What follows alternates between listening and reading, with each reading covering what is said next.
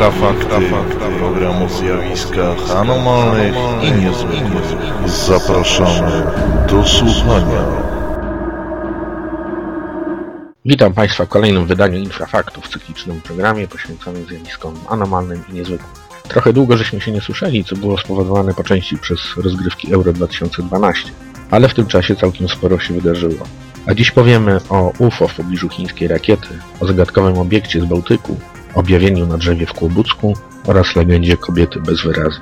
Zacznijmy od tego, że jutro 2 lipca obchodzony będzie Międzynarodowy Dzień UFO, którego celem jest upamiętnienie zjawiska, które od 65 lat opiera się wszelkim wyjaśnieniom. Oczywiście, co wiemy, większość obserwacji domniemanych noli ma swoje racjonalne wytłumaczenie. Ostatnim przypadkiem, który wzbudził sporo komentarzy, była sprawa domniemanego UFO w pobliżu rakiety wynoszącej na orbitę chiński pojazd kosmiczny Shenzhou 9. Na ten temat powie nam parę słów Piotr Cielebiś.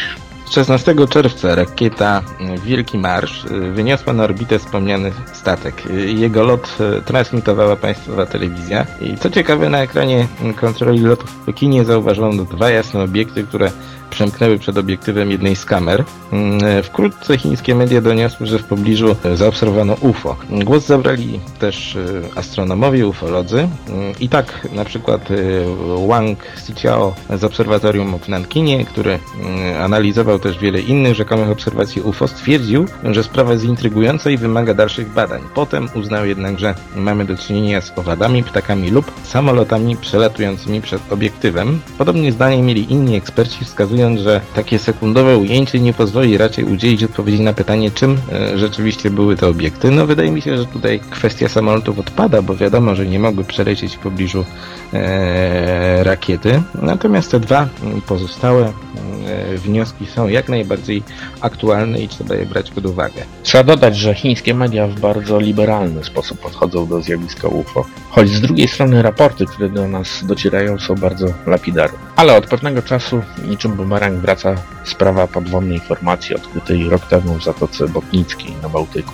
Przypomnijmy może, że ekipa szwedzkich nurków natrafiła tam na strukturę w kształcie dysku, obok której ciągnęło się coś w rodzaju długiej kolejny.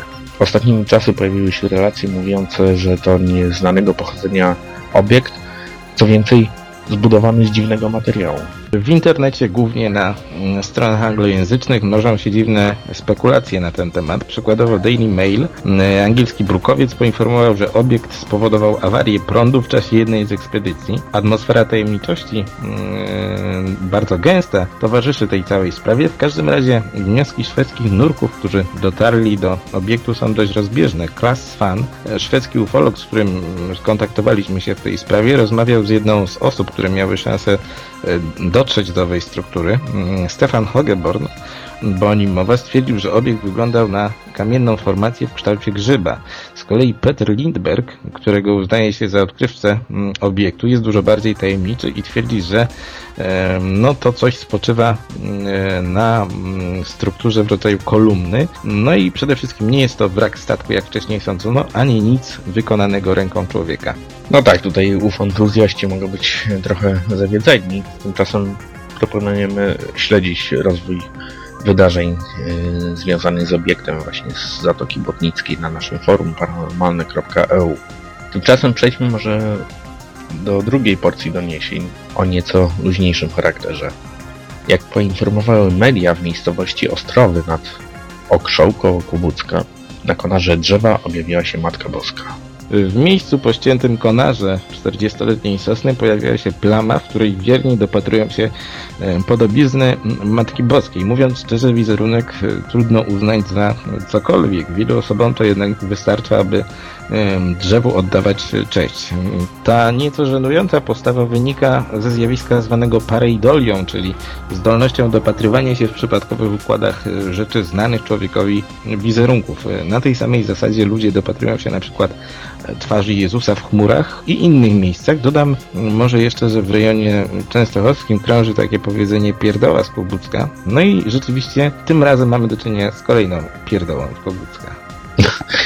No tak, kiedy jesteśmy przy letnich wakacyjnych tematach, warto powiedzieć o pewnej sprawie, która stała się popularna w polskim internecie.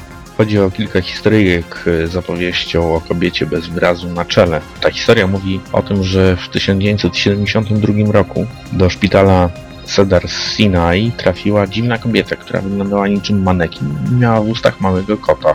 Cały czas leżała nieruchoma, wprawiając wszystkich w przerażenie, po czym poinformowała lekarza, że jest Bogiem. Tak, jak powiedziałeś, relacja ta zrobiła furorę, towarzyszy jej nawet e, takie dość, e, no bym powiedział, naciągane zdjęcie dwóch osób, które trzymają manekina. No wiele osób w to uwierzyło. Cały problem w tym, że to jedynie rodzaj opowiadania m, pochodzącego z amerykańskiej strony, gdzie podobnych historyjek jest znacznie więcej. Nie będę tutaj wypowiadał się na temat poziomu umysłowego osób, które uznają, że to prawda. Mm, Mechanizm powstawania podobnych sensacji mówi nam dużo o realiach internetu oraz y, tym, w jaki sposób szerzą się współczesne mity. Nie będę zaskoczony, jeśli historia o kobiecie bez wyrazu rozwinie się w kolejną miejską legendę. No, także w Polsce mamy mm, podobne przykłady. Obejmują one m.in. relacje o rzekomo nawiedzonym szpitalu w Oleśnie. Kilka lat temu popularna fundacja zajmująca się szerzeniem zmyślanych historyjek o zjawiskach niezwykłych opublikowała na ten temat artykuł. Sprawa została rozdmuchana w internecie i wkrótce stała się dość e, popularna. Jak się jednak okazuje, mieszkańcy Olesna nie wiedzą o nawiedzeniach zupełnie nic. Tak jest. A ja przypominam Państwu, że informacje na temat poruszonych przez nas spraw znaleźć można na serwisie infra.pl oraz na naszym forum paranormalne.eu. Archiwalne audycje naszej produkcji emitowane są przez radio paranormalium.pl, jak też przez y, radio bez cenzury oraz radio Wolne Media. Natomiast pliki z audycjami naszymi można znaleźć na naszym chomikowym koncie. Wystarczy wpisać infra.org.pl w wyszukiwarce. Zapraszam także na nasz profil na Facebooku. Dziękuję Ci Piotrze. Ja również dziękuję. A ja dziękuję także Państwu za wysłuchanie naszej audycji. Następne wydanie prawdopodobnie niedługo. Do usłyszenia. Produkcja i realizacja Portal Infra www.infra.org.pl